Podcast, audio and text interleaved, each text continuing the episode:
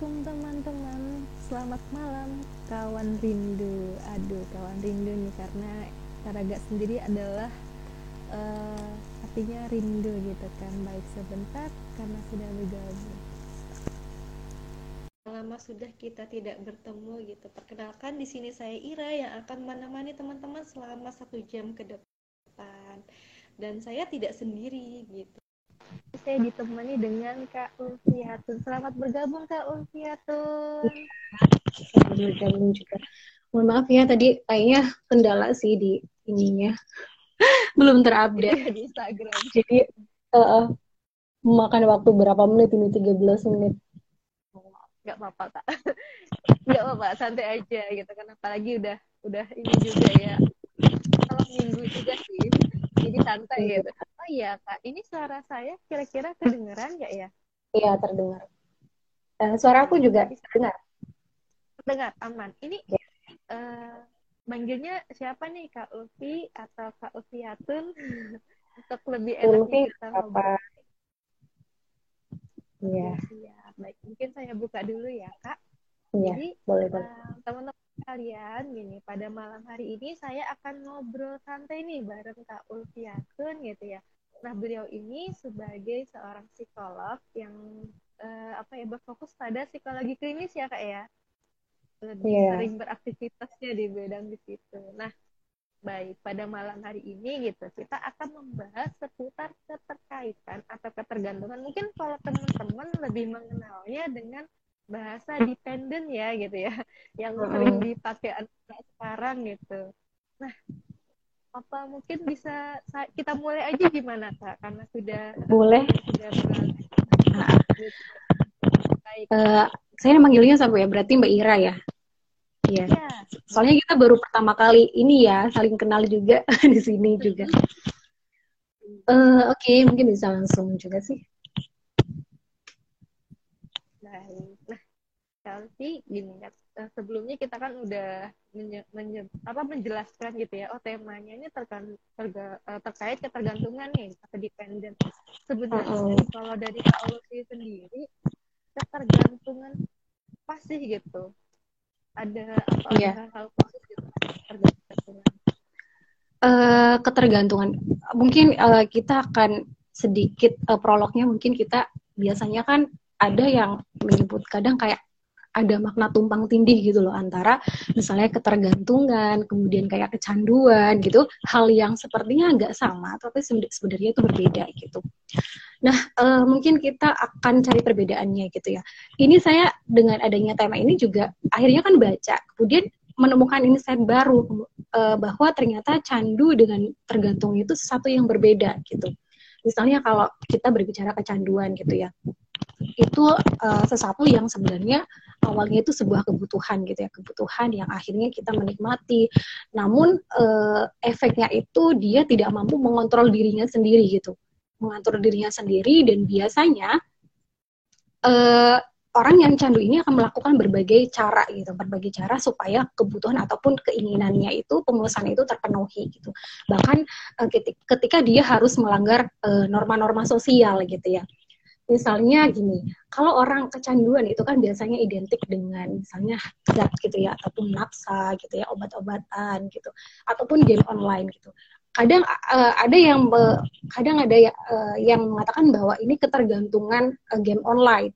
Ada juga yang bilang kecanduan. Jadi di sini ada beberapa yang uh, apa ya agak tumpang tindih gitu ya. Sebenarnya ini ketergantungan atau kecanduan gitu ya.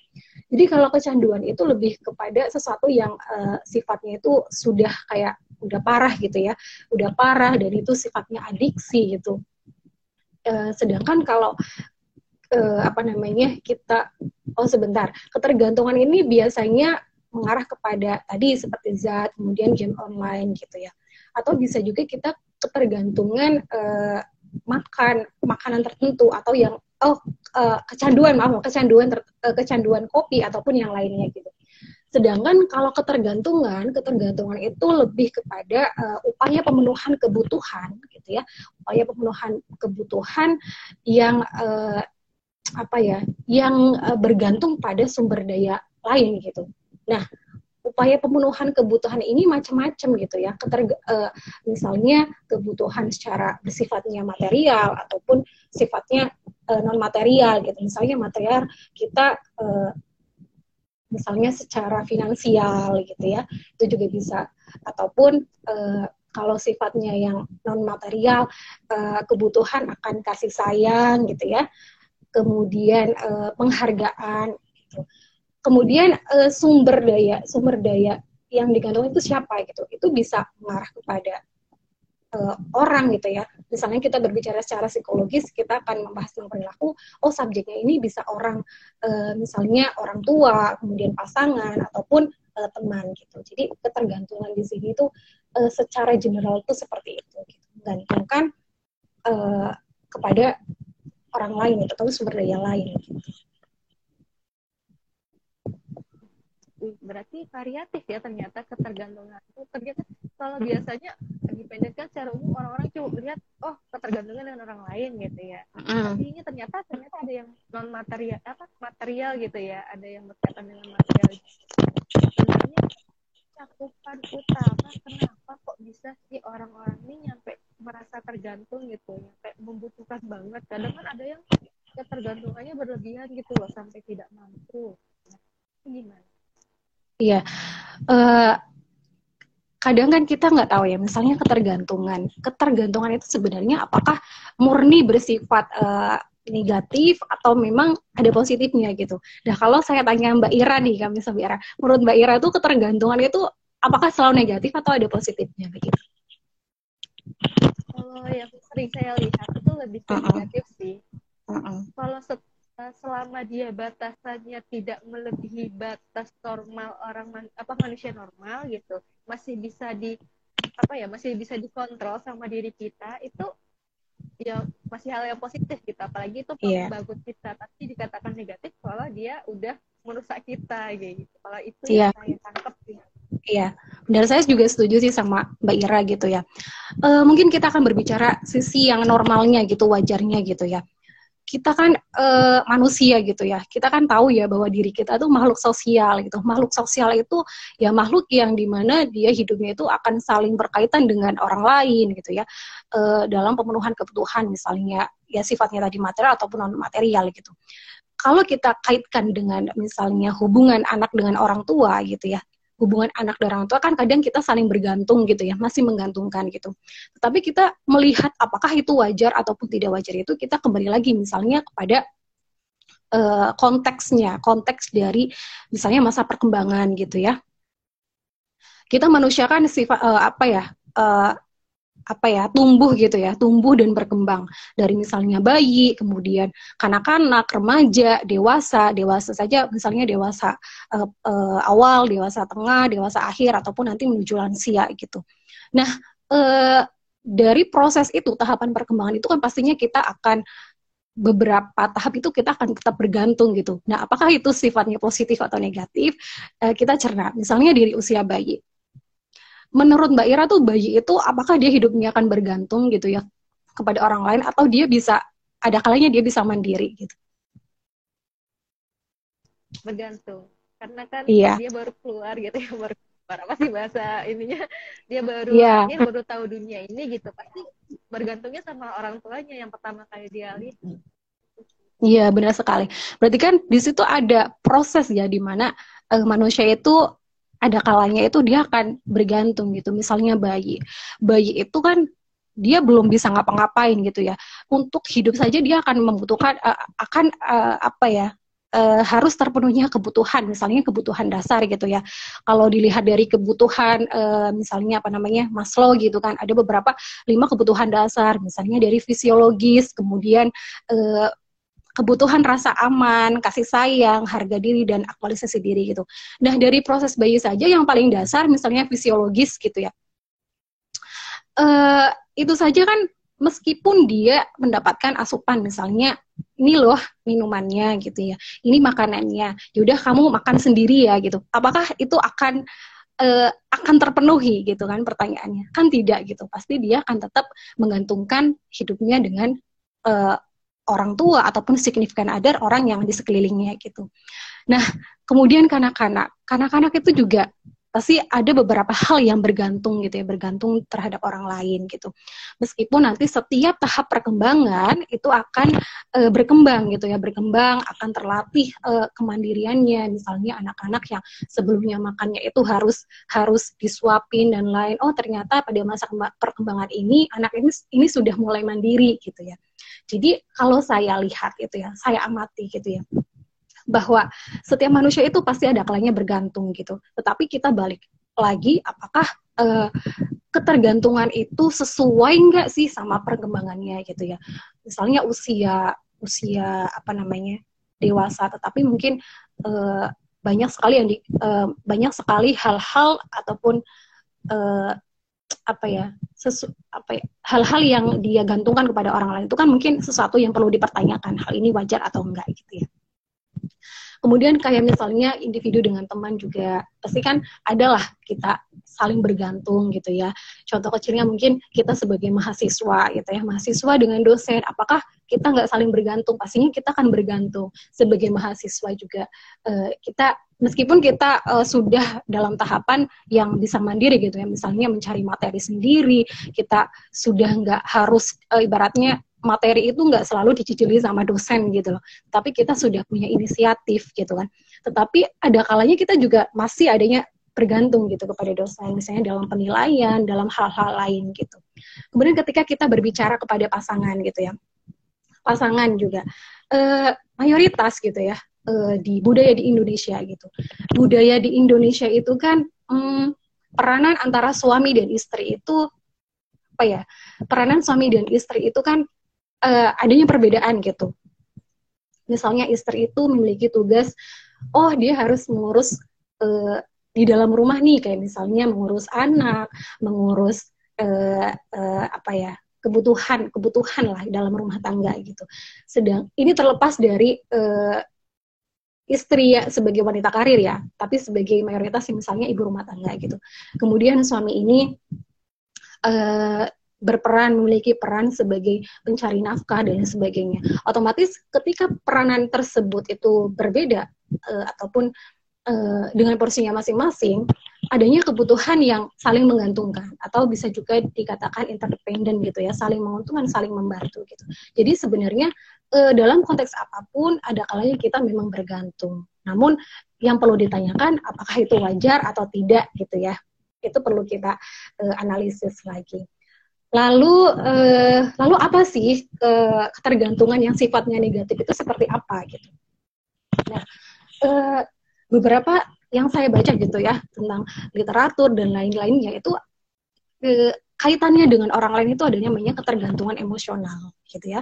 Ketergantungan emosional itu di mana eh, suatu kondisi sebenarnya seseorang itu uh, tidak terpenuhnya terpenuhinya kebutuhan uh, emosional namun dia terus mengupayakan dan pada saat itu dia menemukan misalnya sosok yang diyakini dapat me, uh, sosok yang diyakini dapat memenuhi kebutuhan tersebut uh, sehingga uh, si individu ini apa ya uh, berperilaku yang maladaptif terhadap orang yang digantungkan gitu jadi kayak lebih apa ya menyeratkan emosional yang berlebihan gitu loh.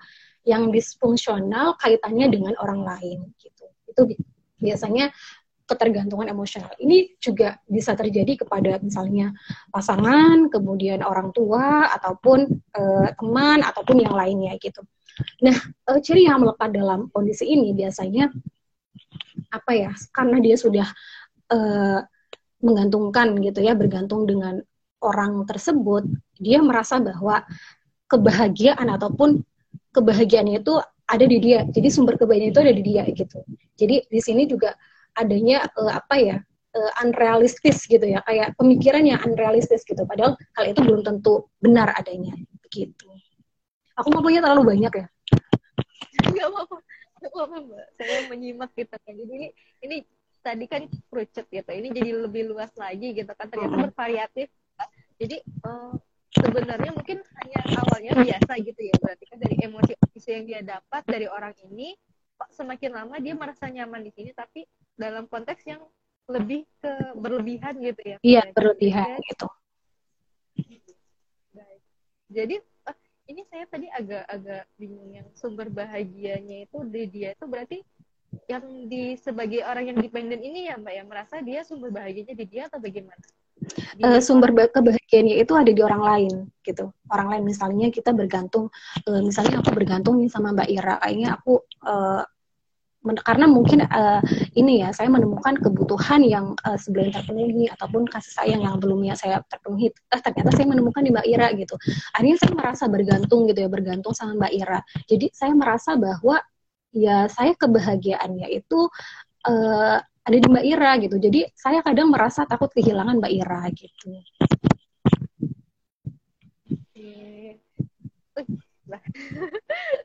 Oke. Mbak. Nah tadi kan terkait yang uh, apa ya yang si orang ini nih menjadi ketergantungan ya dengan orang lain gitu kan. Nah kalau yang didapatkan ini saya suaranya agak berisik maaf ya.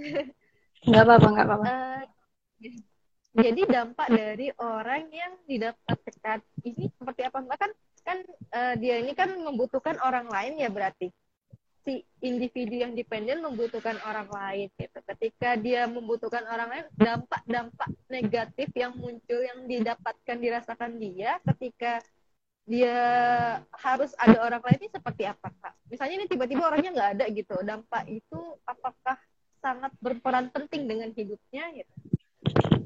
Ya berperan ya maksudnya eh, gini.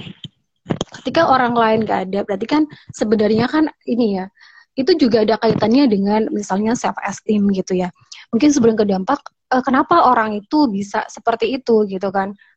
Kita menilik lagi bahwa uh, kenapa ses, uh, maksudnya kenapa suatu peristiwa itu terjadi kan pasti ada sebab sebab mulanya gitu ya.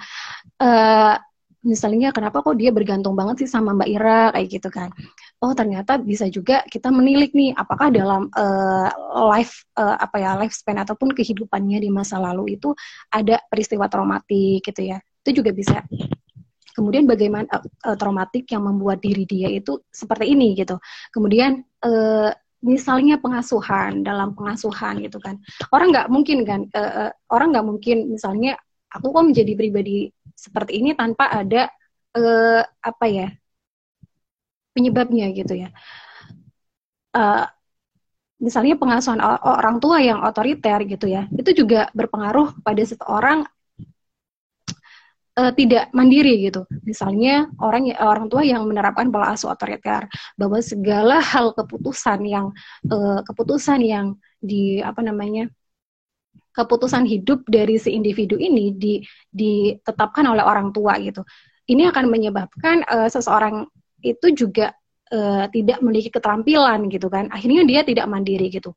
Hal ini juga berdampak nantinya dia uh, apa memungkinkan berperilaku dependen gitu. Begitu juga misalnya orang tua nih yang overprotective, segala sesuatunya tuh segala dilarang gitu. Jangan jangan terlalu overprotective ataupun uh, segala sesuatunya dituruti gitu. Itu juga menunjukkan bahwa akan mengakibatkan bahwa individu ini juga akan uh, tidak apa ya, tidak terlatih secara mandiri gitu.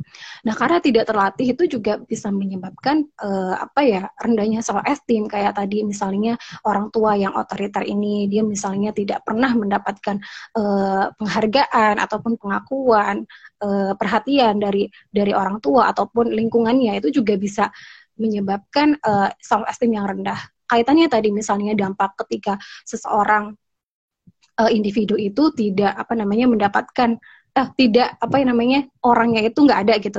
Pastinya itu akan apa ya uh, harga diri ya. Harga diri harga dirinya itu berpengaruh. Uh, artinya bahwa orang yang uh, biasanya orang yang harga dirinya tinggi itu kan akan ini mbak apa namanya uh, us apa ya uh, bergantungnya itu akan uh, apa ya lebih lebih apa sih namanya uh, apa sih ya? ya lebih, iya, lebih rendah. Gitu. Uh, lebih rendah. Ketika orang yang memiliki self esteem yang uh, tinggi, biasanya dia lebih rendah untuk menggantungkan hidupnya dengan orang lain. Dia tidak haus akan uh, apa namanya penerimaan gitu ya, perhatian ataupun pengakuan dari yang lain. Tapi ketika uh, self esteem rendah, dia akan selalu menggantungkan hidupnya dengan orang lain. Bukan selalu sih, kecenderungan akan menggantungkan hidupnya dengan orang lain gitu.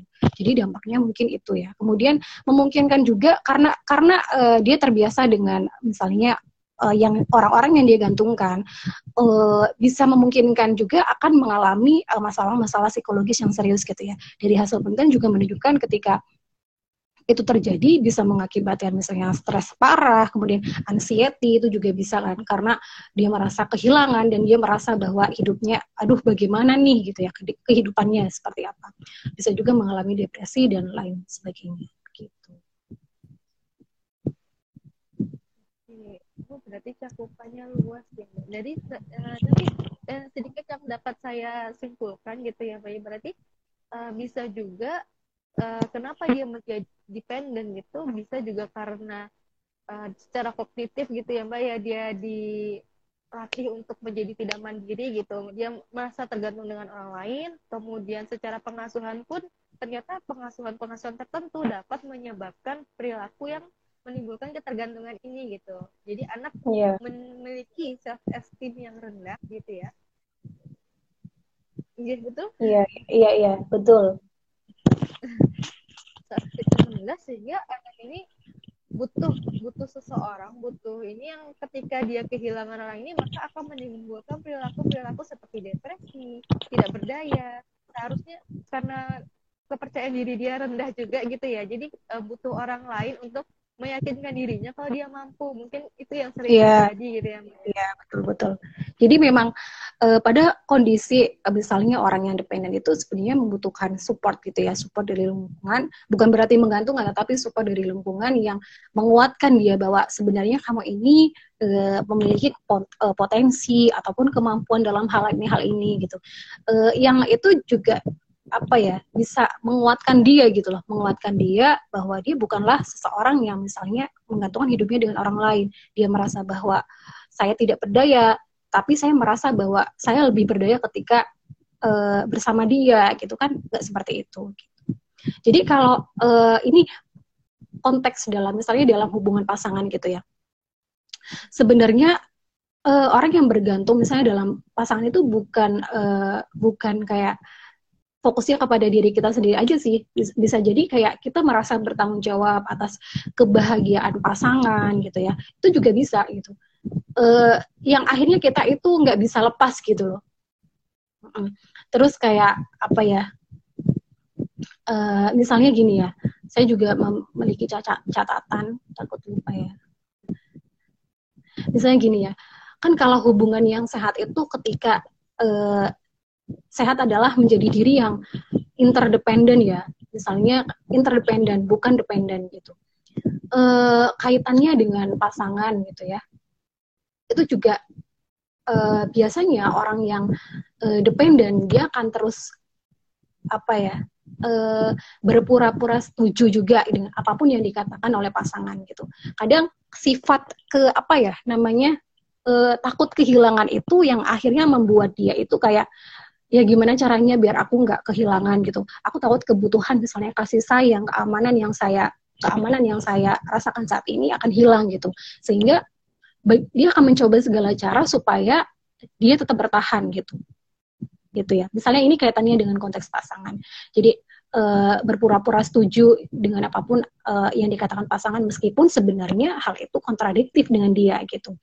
Namun ketika dia interdependen dalam hubungan itu interdependen uh, individu tersebut seharusnya berani gitu ya, berani mengungkapkan pendapat meskipun hal tersebut ini berseberangan dengan opini uh, pasangan gitu. Kemudian uh, misalnya gini, apa ya, uh, menyangkal gitu ya, menyangkal perasaan, kemudian uh, pikiran dan prinsip dia, bahkan prinsip dia itu uh, ia sangkal gitu, karena dia takut gitu kehilangan uh, misalnya pasangan gitu ya. Padahal ketika uh, yang bagus adalah dia bisa mampu mengakui gitu ya perbedaan perbedaan dirinya dengan pasangan gitu ya. Ibaratnya gini, uh, dalam satu keluarga uh, uh, ibaratnya antara saudara gitu, kita terlahir dengan sama saja memiliki perbedaan gitu ya, baik dari segi pikiran ataupun uh, dalam pengambilan keputusan ataupun yang lain, apalagi dengan orang lain gitu yang mungkin uh, tidak ada kaitannya dengan hubungan darah gitu. Pastinya di situ akan banyak perbedaan gitu ya berarti yang baik adalah kita bisa mengakui. Kemudian uh, tadi kaitannya dengan ketakutan akan kehilangan jadi orang yang dependen itu biasanya akan uh, mengabaikan uh, refleks refleks di mana ketika misalnya nih saya itu pasangan kita itu marah gitu ya marah dan pasti akan uh, responnya seharusnya kita kadang ada perasaan emosi negatif juga gitu ya. Tapi karena takut nanti uh, dampaknya saya uh, bisa apa namanya ya bisa uh, negatif untuk kehidupan saya akhirnya ya udah saya bodoh amat menerima menerima apa pun yang diperlakukan uh, pasangan gitu itulah yang menyebabkan kadang tuh seseorang itu gak mau pergi gitu loh aku kayak merasa dalam zona nyaman gitu loh zona nyaman uh, kaitannya dengan pasangan gitu loh. Padahal kita tahu sebenarnya di dalam pasangan itu juga kebergantungan itu tidak tidak baik gitu loh. Terus kayak misalnya gini, uh, orang yang dependen itu kan biasanya cenderung kayak people people pleaser gitu kan. Dia nggak tahu nih batasan batasan dalam diri gitu, batasan dalam diri uh, dan dia sulit mengatakan tidak gitu kan sulit mengatakan tidak uh, sehingga hal ini juga mudah dimanfaatkan orang lain.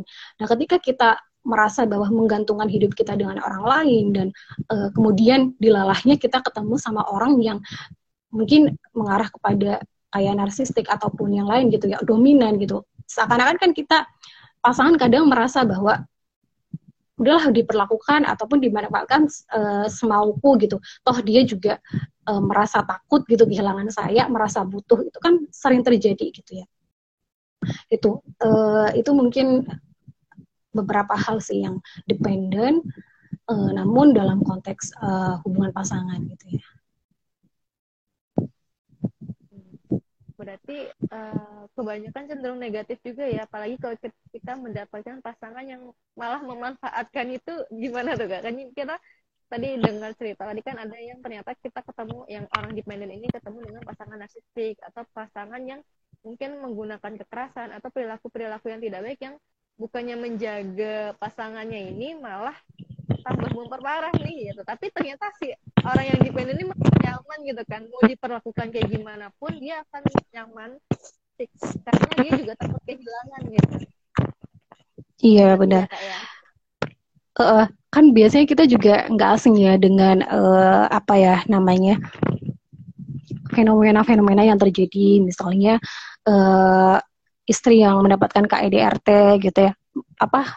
Di KDRT gitu dari pasangan tetapi dia mencoba untuk bertahan. Mungkin ada di di apa ya di sisi lain mungkin dia ada alasan-alasan tertentu gitu ya. Namun pada uh, kalau dalam konteks ketergantungan ini bisa jadi bisa jadi mungkin ya dia mendapatkan kenyamanan dalam konteks lain dari pasangan itu gitu loh uh, mungkin ada kekhawatiran gitu loh mbak. Misalnya kekhawatiran kalau misalnya saya nggak sama dia uh, siapa lagi yang bisa menerima saya gitu kan. Karena kita balik lagi pada self esteem itu yang rendah gitu ya.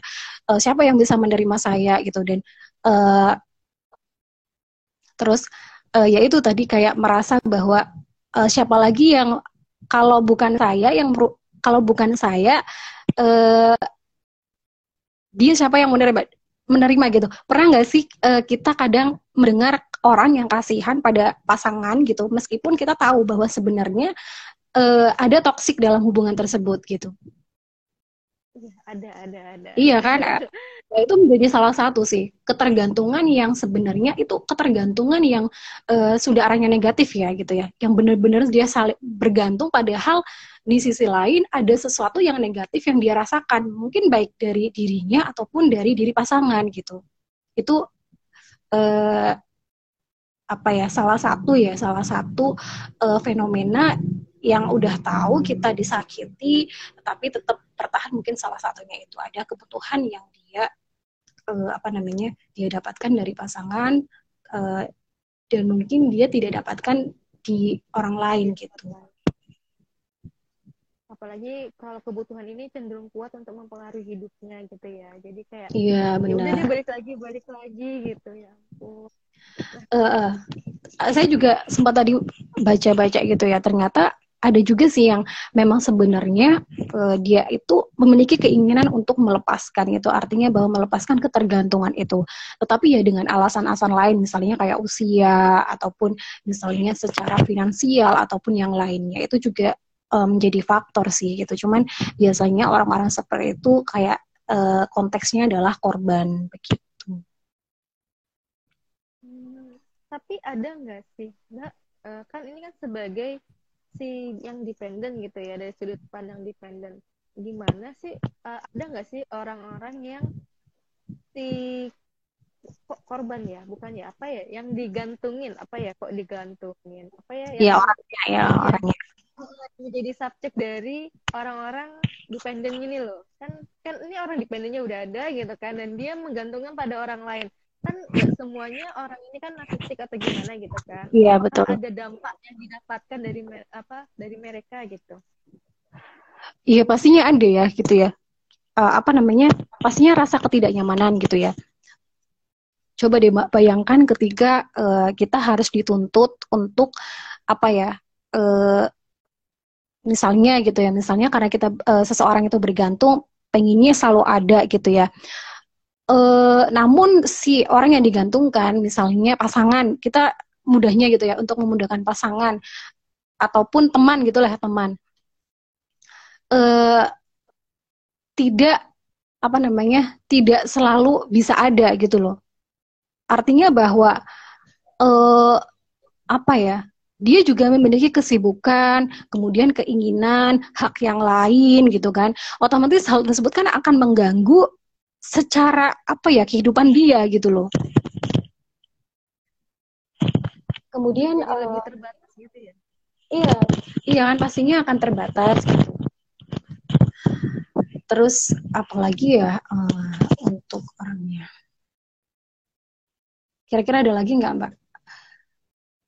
Kayak lebih mungkin kayak ini ya berarti kalau misalnya dari yang Mbak uh, Mbak Ulfi tadi katakan, jadi dia kan karena tidak bebas gitu kan. Apakah ini berarti dia bisa juga tertekan gitu ya Mbak ya dengan harusnya aku punya uh, apa ya kan ada tipe-tipe orang yang butuh waktu sendiri gitu ya. Tapi karena pasangannya ini dependen gitu dan butuh uh, banget ketemu gitu. Aku selalu pengen ketemu dia nih gitu kan. Jadi ngejar terus itu kan mungkin bisa membuat dia lebih frustasi gitu ya apa merasa tidak nyaman dan aku tuh butuh sendiri kenapa kamu selalu ada dan ganggu aku sih gitu. Itu ada yeah. mungkin ada ya perasaan seperti itu.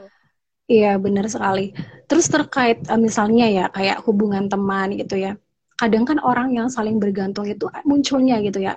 Ada keterkaitan ataupun menjadi prediktor munculnya kecemburuan gitu ya. Kecemburuan itu bukan hanya sekedar untuk pasangan tetapi teman juga misalnya ketika uh, sosok misalnya teman yang teman tersebut yang digantungkan sama individu ini dia akan berteman dengan orang lain atau mungkin uh, ya memiliki apa ya teman akrab dengan yang lain. Itu juga bisa memunculkan kecemburuan dari si namanya apa individu itu gitu loh. Yang pasti kan uh, itu akan uh, ruang ter, ruang ruang geraknya kan akan terbatas gitu kan. Dan bisa juga uh, si uh, teman itu juga berdampak gitu loh. Akhirnya dia merasa bahwa kok seakan-akan saya dibatasi ya? Kok seakan-akan saya nggak boleh berteman dengan orang lain? Kok aku hanya berteman dengan kamu? Gitu. Itu. Jadi ya. ada keterkait, keterkaitan dengan kecemburuan itu. Tadi yang saya baca sih. Kalau yang ini berarti kayak sering banget dialamin kasus remaja sih mbak biasanya. Kayak yang temenan bertiga kayak gitu kan.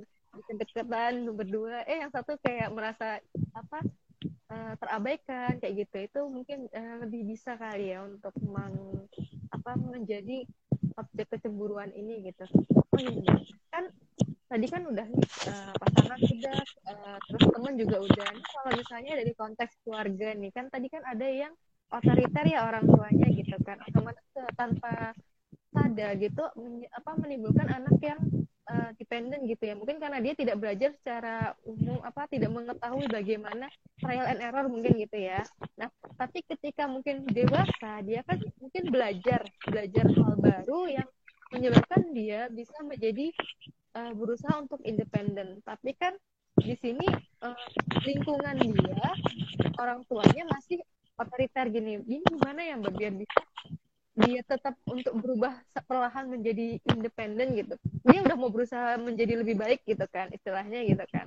Karena mungkin tadinya dia sudah tidak merasa percaya diri dia harus selalu tanya ke orang tuanya kayak gimana gitu. Nah dia posisinya sudah mau bangkit dan berusaha tapi ternyata orang tua dan lingkungan masih yang otoriter gitu yang harus selalu ngikutin gitu. Itu gimana mbak? Ya itu sebenarnya ya menjadi problem juga ya. Jadi akhirnya menjadi penghalang gitu uh, ibaratnya gini ketika pola asuh pola asuh gitu yang sudah uh, pola asuh itu kan itu terkonsep maksudnya dari kecil gitu ya yang nggak nggak misalnya kamu kamu aku ajari seperti ini gitu terus langsung paham. Tetapi kan kalau pola asuh kan dia melekat gitu dan itu secara berulang gitu loh berulang yang akhirnya secara tidak langsung pun melekat dalam diri kita gitu. Kadang meskipun kita berusaha untuk apa namanya untuk bersifat mandiri terkadang ada juga nih hal-hal yang membuat kita uh, sulit melepaskan uh, apa ya namanya ketergantungan itu gitu. Namun kalau ketika ya, ketika dia memang sudah berniat dan uh, apa ya untuk melepaskan gitu, melepaskan diri dari ketergantungan itu, bersikap mandiri gitu ya. Uh, dia butuh ini sih, butuh sosok gitu ya sebagai penguat gitu loh. Mungkin dia perlu cari uh, signifikan other entah itu sahabat, teman ataupun lainnya gitu yang bisa menguatkan untuk dia terus uh, terus maju supaya dia bisa menjadi pribadi yang uh, dependen gitu. Karena ketika kita terus-terusan berfokus pada hambatan itu artinya bahwa orang tua itu eh, apa namanya tetap mengatur dan lain sebagainya kita nggak akan bisa berubah gitu ya. Itu sih eh, apalagi ya? Hmm, mungkin itu sih. Berarti tetap uh, seberapa kuat orang ini mau berubah dan seberapa kuat dia bisa menghadapi uh, kondisi yang sudah berlangsung lama gitu ya mbak ya. Jadi sekokohnya dia tuh seperti apa gitu ya iya dan uh, dan ini apa namanya uh, dalam kondisi seperti itu memang perlu adanya komunikasi sih gitu. Apalagi misalnya yang uh, individu tersebut sudah uh, dalam kategori dewasa otomatis uh, dia memiliki hak ataupun untuk uh, bisa mengungkapkan pendapat ataupun uh, melakukan segala sesuatunya secara mandiri, mengambil keputusan mandiri gitu ya. Apalagi di usia dewasa itu kan banyak sekali uh, uh, apa ya keputusan-keputusan besar yang itu berdampak kepada kehidupan kita di yang akan datang gitu loh. Jadi ketika ada sesuatu hal yang masih dikendalikan oleh orang tua ataupun yang lainnya ya kita coba komunikasikan supaya hal tersebut itu bisa menemukan uh, titik tengah gitu. Berarti balik lagi ke komunikasi ya apa pun yang terjadi gitu apalagi komunikasi dan saling mendengarkan, saling memahami kayaknya penting banget untuk perubahan sikap ini ya Mbak ya. Iya, iya betul. Uh, ya meskipun kita tahu ya mengkomunikasikan itu kan tidak mudah gitu ya mbak. Apalagi dengan misalnya uh, signifikan other itu misalnya orang tua ataupun orang yang memiliki kuasa itu tidak uh, bisa terbuka gitu. Kurang kurang bisa terbuka itu kan pasti akan membuat kita itu akan sulit ataupun uh, ya akan sulit masuk gitu. Cuman ya balik lagi kepada diri kita bahwa kita uh, apa ya namanya seberapa sih keinginan kita untuk bisa berubah dan uh, memutuskan sesuatu yang itu juga akan mempengaruhi kehidupan kita di masa yang akan datang. Nah, mungkin ini mungkin balik lagi pertanyaannya kayak sebenarnya siapa aja sih eh, orang-orang uh, yang benar-benar berpotensi menjadi seorang dependen kan kadang ada nih orang ini sebenarnya nggak dependen gitu. Dia orangnya mungkin kita kenalnya independen gitu atau dia memang sebenarnya bagus gitu kan. Tapi ada kondisi di mana dia bisa menjadi dependen itu kira-kira orang yang berpotensi seperti itu kayak gimana? Terus dan cocoknya sama orang yang seperti apa untuk mengimbangi dia yang yang menjadi dependen kayak gitu jadi mungkin menjadi lingkungan yang lebih positif gitu. Biasanya seorang seperti apa uh, kepada orang siapa yang pasti kalau tentang uh, orang yang seperti apa kepribadian seperti itu nggak nggak terlalu spesifik sih. Cuman ketika uh, apa namanya seseorang itu dependen ataupun sering menggantungkan hidupnya dengan orang lain ataupun uh, apa ya ya misalnya pengambilan keputusan ataupun lainnya kepada orang lain ya alangkah baiknya memang dia perlu sosok yang bisa mensupport saja sih kayak uh, apa ya yang bisa mengenali dirinya sendiri gitu loh. Bahwa segala sesuatunya itu kan kalau misalnya kita kembali ya gitu kayak dalam Al-Quran misalnya kita uh, kontesnya dalam Muslim gitu ya. Uh, kan hidup kita kan tidak bergantung kepada orang lain gitu ya. Maksudnya segala sesuatunya kita bergantung kepada Tuhan gitu loh. Jadi kayak kayak uh, apa namanya kayak orang lain ataupun peranan orang lain ya dia harus menyadarkan hal tersebut gitu bahwa segala sesuatunya itu tidak selalu kita menggantungkan kepada manusia gitu. Ada kalanya kita harus bisa uh, bersikap mandiri dan kita memiliki tugas orang yang maksudnya orang terdekatnya itu harus memiliki tugas memberikan penguatan sih, penguatan nilai-nilai yang mungkin sebelumnya dia tidak sadari gitu. Kan kadang orang gini ya, kadang orang itu kalau misalnya memiliki self esteem yang rendah ataupun harga diri uh, harga diri yang rendah ataupun tidak percaya diri kan dia akan berfokus kepada hal-hal negatif saja gitu loh. Hal-hal negatif misalnya uh, kegagalan saya ataupun uh, kenapa saya kok seperti ini tidak seperti yang lain padahal uh, kita kan melewati hidup yang cukup panjang gitu ya, panjang yang enggak cuma satu hari doang gitu loh. Yang satu hari pasti kita akan uh, mengalami berbagai pengalaman hidup gitu ya baik itu positif ataupun negatif.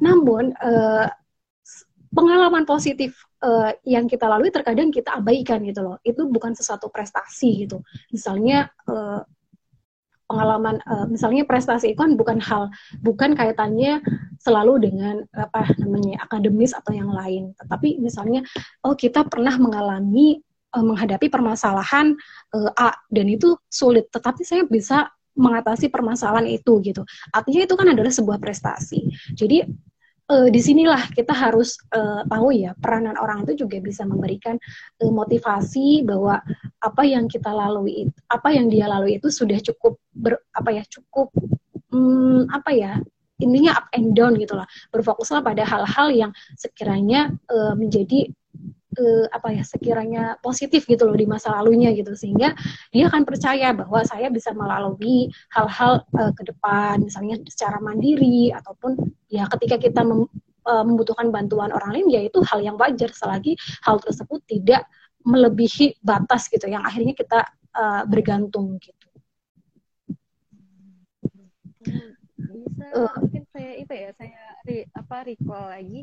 Berarti orang-orang uh, ini adalah uh, dia yang mampu menyadarkan si in, si dependent ini apa orang ini kamu tuh udah pernah berhasil loh melakukan ini gitu. Kamu sudah pernah berhasil menanggapi ini atau menyelesaikan suatu masalah yang sebenarnya mungkin bagi orang lain nggak bisa gitu. Mungkin bagi orang lain sulit gitu. Tapi kamu punya prestasi ini gitu.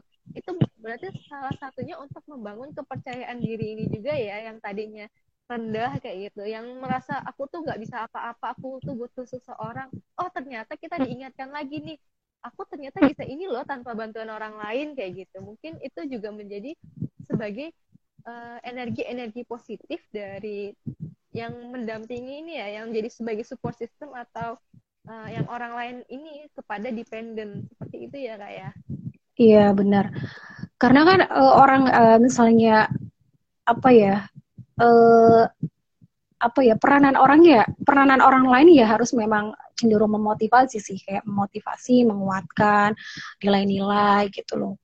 Kalau kita berhadapan pada orang yang misalnya uh, dominan ataupun yang lain gitu kan kadang malah justru itu tidak membuat uh, apa ya apa ya kayak membuat kita terlatih untuk mandiri tapi justru malah semakin bergantung gitu kan malah jadi down gitu ya kak. Iya, iya. aku ngikut aja deh kayak gitu. Biasanya kalau udah ketemu orang dominan yang enggak yang biasanya emang bergantung oh ini orang lebih bisa ya udahlah aku ngikut aja kayak gitu. Kan biasanya seringnya kayak gitu ya kak ya?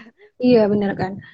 Uh, sebenarnya uh, saya juga menemukan beberapa artikel gitu ya artikel uh, dari jurnal juga. Jadi ada beberapa hal untuk mengakhiri pola ketergantungan gitu ya. Yang pertama adalah kenali ketakutan kita gitu ya apa sih yang membuat diri kita takut gitu ya? Misalnya kita ketergantungan kepada uh, teman ataupun pasangan itu apa sih yang membuat diri kita takut seandainya dia uh, orang itu pergi itu apa yang membuat ketakutan kita gitu? Kita berusaha untuk menemukan ketakutan itu. Misalnya saya takut tidak dicintai saya takut uh, orang lain uh, uh, saya takut tidak ada yang bisa menerima saya kecuali uh, orang itu gitu. Itu yang pertama yang kedua adalah uh, kita berusaha untuk meluangkan waktu sendiri sih. Lebih kepada uh, introspeksi gitu ya. Sebenarnya apa yang saya lakukan ketergantungan ini uh, baik nggak sih dalam hidup saya gitu ya? Apakah itu sifatnya positif ataupun negatif gitu. Kemudian yang ketiga adalah perkuat identitas diri Anda gitu ya. Kayak uh, tadi yang saya cukup tadi sudah jelaskan sebenarnya kayak uh, kita kita itu siapa gitu ya uh, kita itu siapa pastinya kan kita memiliki uh, positif dan negatif dan kita uh, dan tugas kita pada di poin ini adalah kita berusaha untuk mengenali diri diri kita sendiri identitas diri gitu Kemudian yang keempat adalah berusaha berhenti berusaha mengendalikan orang lain. Ya kayak tadi gitu ya. Ketika kita bergantung kepada orang lain kan secara tidak langsung kadang kita e, berusaha untuk mengendalikan gitu loh, mengendalikan orang lain juga gitu kan. Misalnya ketika kayak seperti tadi contohnya kayak dia dia seharusnya bisa berteman dengan orang lain tapi karena saya takut kehilangan seakan-akan saya tidak memperbolehkan orang lain itu berteman dengan orang lain itu salah satunya kemudian uh, apa ya uh, dapatkan bantuan untuk mengakhiri pola ketergantungan ya misalnya kita uh, apa ya merasa tidak apa ya uh, tidak baik kita kan bisa juga kan mengkomunikasikan atau menceritakan hal tersebut kepada orang lain misalnya kerabat ataupun profesional health itu kan juga bisa gitu. Nah, metode metode kedua metode kedua itu adalah bagaimana sih kita menjadi sehat secara emosional gitu. Yang pertama adalah bertanggung jawab atas emosi sendiri gitu ya uh, manusia itu kan memiliki dasar emosi dasar gitu ya, baik itu sifatnya positif atau negatif gitu. Kalau positif baiklah itu pasti bahagia, uh, kita merasa senang gitu. Tapi yang dipertanyakan adalah bagaimana dengan emosi negatif gitu ya. Ada kalanya kita merasa sedih, ada kalanya kita merasa kecewa gitu ya. Tapi tugas kita adalah bertanggung jawab gitu dengan emosi yang kita rasakan. Kita nggak bisa kan uh, apa ya uh, terus-terusan hmm, apa ya terus-terusan uh, mempertahankan emosi itu. Pastinya kita membutuhkan waktu untuk menstabilkan emosi itu gitu. Kemudian uh, latih diri untuk memenuhi kebutuhan sendiri. Artinya bahwa seperti tadi ya udah sempat dijelaskan bahwa kita nggak bisa bergantung dengan orang lain terus gitu. Kita harus uh, apa namanya mereka juga punya hak untuk apa namanya hak untuk memilih dia untuk bahagia dan lain sebagainya gitu. Jadi uh, poin ini mengajarkan kita bahwa uh, untuk belajar bisa uh, memenuhi kebutuhan diri tanpa bergantung dengan orang lain gitu. Kemudian membangun harga diri. Nah ini hal yang sangat penting gitu ya kayak tadi tergantung ya pasti kita akan merasa bahwa tidak berharga gitu. Tapi pada posisi ini bagaimana kita melepaskan ketergantungan ya bangunlah harga diri. Bangunlah harga diri yang positif, self esteem yang bagus gitu sehingga kita uh, tidak selalu bergantung penilaian dengan orang lain, kemudian kasih sayang dari orang lain gitu. Jadi kita uh, berlatih untuk bisa mandiri gitu. Yang keempat uh, terakhir gitu ya terima batasan orang lain gitu bahwa uh, setiap um, orang itu apa ya uh, setiap orang itu juga pasti punya ke kekurangan gitu ya. Uh, bahwa kekurangan tersebutlah apa ya uh, kita harus bisa ini loh uh, sebentar. Setiap orang itu kan pasti punya kekurangan. Dari kekurangan tersebut nggak bisa seseorang itu um, memenuhi ekspektasi kita. Ada kalanya ya dia butuh waktu dan kita harus siap dengan segala uh, kekecewaan ketika ekspektasi itu tidak terpenuhi dalam hidup kita gitu. Jadi ya kita menyadari bahwa uh, orang lain juga punya kebutuhan gitu. tidak selalu memprioritaskan kebutuhan kita mungkin itu sih saya jadi menggaris bawah yang terakhir nih kak jadi kan terima batasan orang lain jadi sering banget kita juga tanpa sadar buat nggak berekspektasi kan pada orang lain tapi tanpa sadar kita tuh menaruh ekspektasi yang tinggi ke orang lain gitu ya kak. Ini suka yang dilupakan sama kita semua gitu. Mungkin teman-teman juga ada yang merasa seperti itu atau akhirnya kita kecewa gitu dengan ekspektasi ekspektasi yang udah kita buat sendiri padahal orang lain sebenarnya nggak nyampe ke situ gitu kan. Iya. Bisa juga jadi catatan.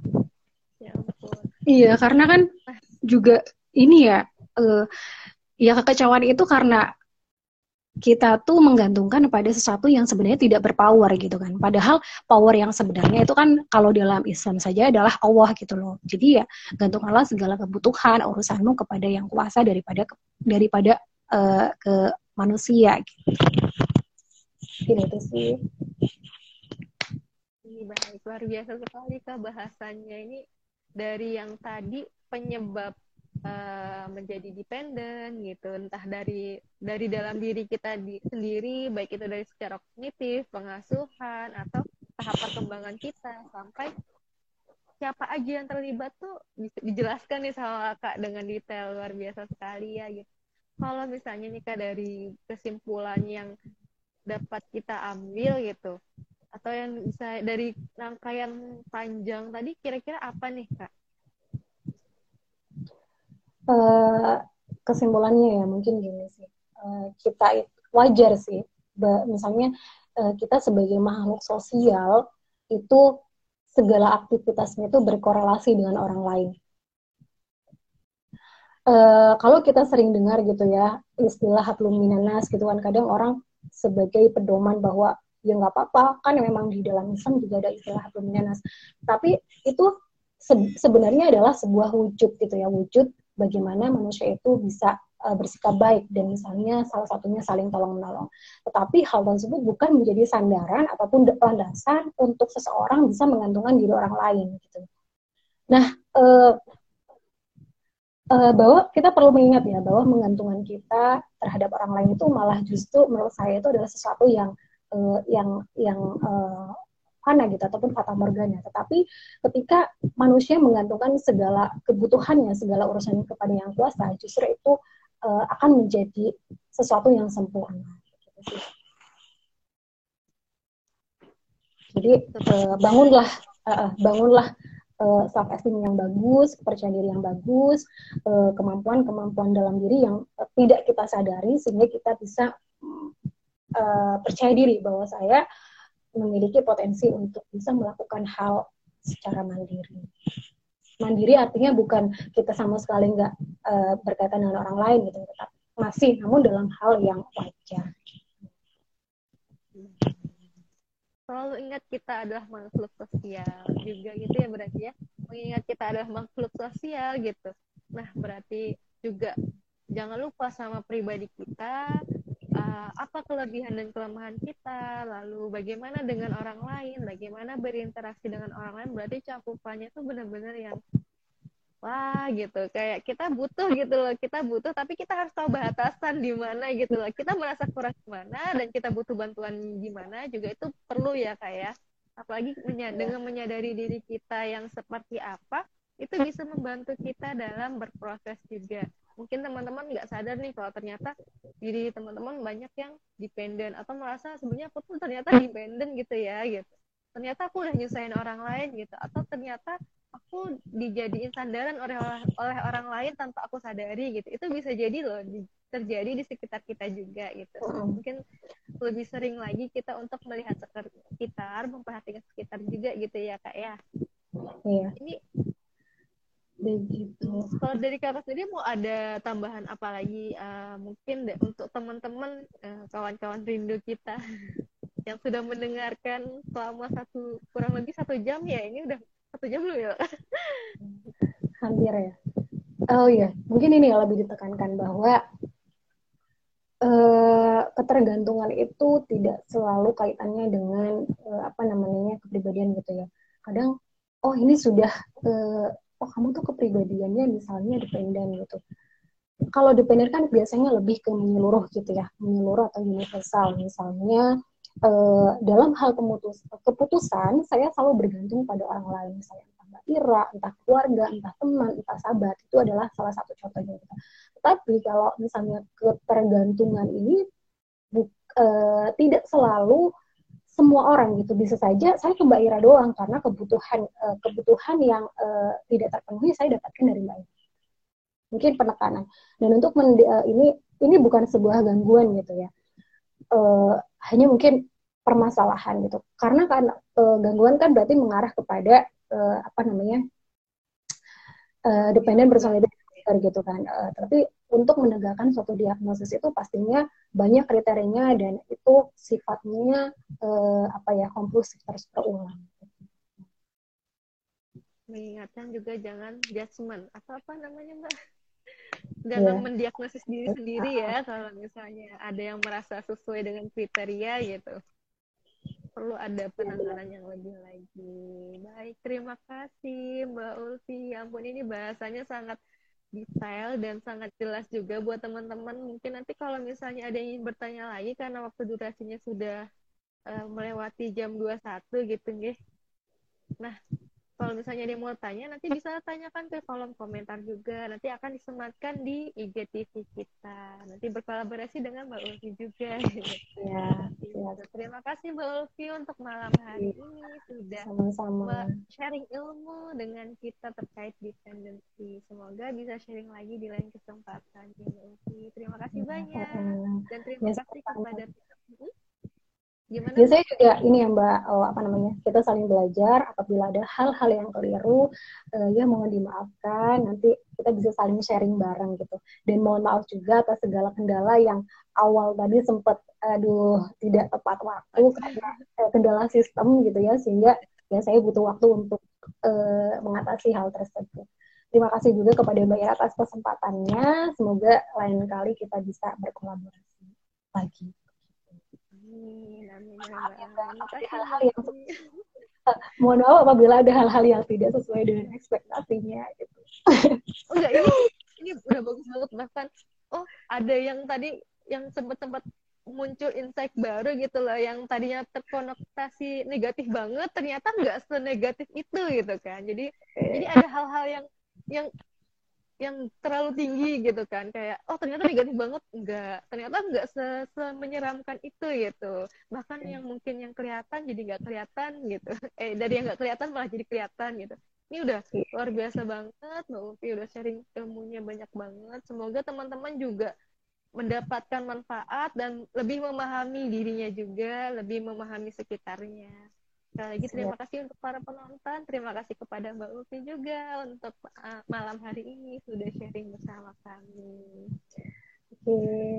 baik mungkin kita akhiri uh, untuk live Instagram pada hari pada malam hari ini. Aduh maaf saya typo. Baik, terima kasih. Selamat malam dan selamat beristirahat Mbak Ulfi dan teman-teman semua. Iya. Begitu juga dengan Mbak Ira. Sama-sama. Kalau gitu saya tutup ya, Mbak. Assalamualaikum Oke. warahmatullahi wabarakatuh. Hah? Oke, Waalaikumsalam warahmatullahi wabarakatuh. Ya. Close ya berarti ya? Mari. Iya, boleh di close. Terima kasih, Mbak.